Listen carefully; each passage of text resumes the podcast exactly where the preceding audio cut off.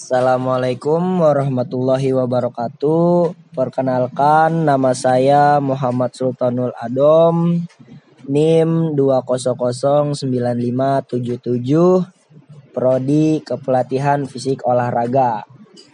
Di sini saya akan melakukan uh, podcast atau sesi tanya jawab dengan teman saya yang bernama Muhammad Abu Japar dengan judul Sistem Demokrasi di Indonesia. Pertanyaan pertama di sini ada Menurut pendapat Muhammad Abu Japar, bagaimana sistem demokrasi di negeri ini? Assalamualaikum warahmatullahi wabarakatuh. Kalau menurut secara pandang saya, sistem demokrasi di negeri ini tidak terlalu berjalan dengan baik karena di satu sisi demokrasi di negeri ini masih banyak yang mungkin masih belum terlaksana dengan baik karena adanya beberapa demo yang di mana tujuan demo itu pasti untuk memperbaiki demokrasi di negeri ini. Tetapi saya tidak bisa memaksakan hanya satu pihak dari pandangan saya saja. Saya harus bisa memaksakan orang lain tuh berpikir dari pandangan yang lainnya juga. Karena kita hidup sosial nggak mungkin hanya pandangan kita aja yang mau didengar.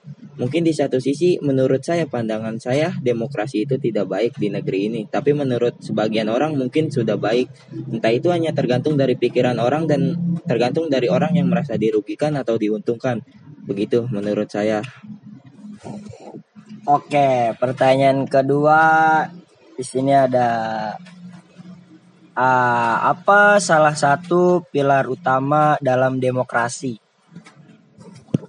Menurut saya, pilar utama dalam demokrasi ini adalah salah satu yang paling terpenting adalah partai politik.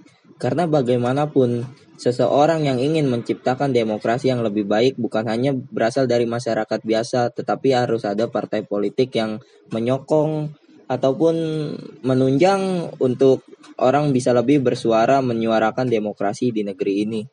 Jadi menurut saya pilar yang penting itu ya partai politik. Oke, menurut saudara Bu sendiri bagaimana pendapat Anda tentang kinerja seorang anggota dewan pada sekarang ini? Menurut saya kinerja anggota dewan sekarang ini ya saya pun nggak bisa menyimpulkan hanya dari pikiran saya. Sekarang coba kita open minded harus menyimpulkan dari dua sisi. Mungkin dari pemikiran saya kinerja anggota dewan masih kurang baik karena apa? Karena kalau kinerja anggota dewan sudah baik, tidak mungkin akan ada demo-demo seperti yang baru-baru kemarin ini didemokan. Tapi saya pun nggak bisa memaksakan hanya pikiran saya seperti itu saja. Saya harus mencoba membuka wawasan saya untuk memikirkan pemikiran yang lainnya. Mungkin di satu sisi saya merasa dirugikan oleh anggota dewan karena pemikiran seperti karena menurut saya pemikiran saya seperti itu saya merasa dirugikan oleh anggota dewan. Tapi saya harus memikirkan juga pemikiran orang lain mungkin ada satu sisi yang merasa diuntungkan oleh anggota dewan, satu sisi yang dirugikan oleh anggota dewan. Ya, semua tergantung kepada pemikiran dan apa yang dirasa dari apa perbuatan oleh anggota dewan tersebut. Uh, contohnya yang misalkan kayak yang baik itu seperti apa dan yang buruknya itu seperti apa? Kalau menurut saya sih contoh mungkin kita dilihat dari contoh baiknya dulu ya. Mungkin image-nya anggota dewan atau pandangannya orang-orang terhadap anggota dewan itu mungkin terlalu banyak yang buruk. Karena kita nggak boleh munafik ya. Anggota dewan itu selalu dicap selalu image-nya oleh masyarakat lain tuh sebagai perampok negara. Ya mungkin itu pikiran orang lain seperti itu karena anggota dewan itu dinilai terlalu banyak gajinya dibanding kerjanya. Itu menurut pemikiran orang-orang dan menurut apa informasi yang saya baca di entah itu di koran atau di sumber Google. Tapi dari sisi baiknya anggota dewan itu mungkin gak semuanya anggota dewan seperti itu. Mungkin itu bisa dibilang sebagian oleh oknum aja. Mungkin itu oknum saja karena pada dasarnya anggota dewan pun manusia. Seburuk apa pun anggota dewan pasti mempunyai sisi baik. Mungkin salah satunya ketika ada bencana anggota dewan bisa memberi bantuan lewat gajinya. Seperti seperti sekarang-sekarang ini yang saya lihat di berita ada beberapa anggota dewan yang menyumbangkan beberapa uangnya untuk untuk penyembuhan COVID-19, memberikan APD untuk tenaga pekerja. Tapi di luar itu pasti ada sisi buruknya juga.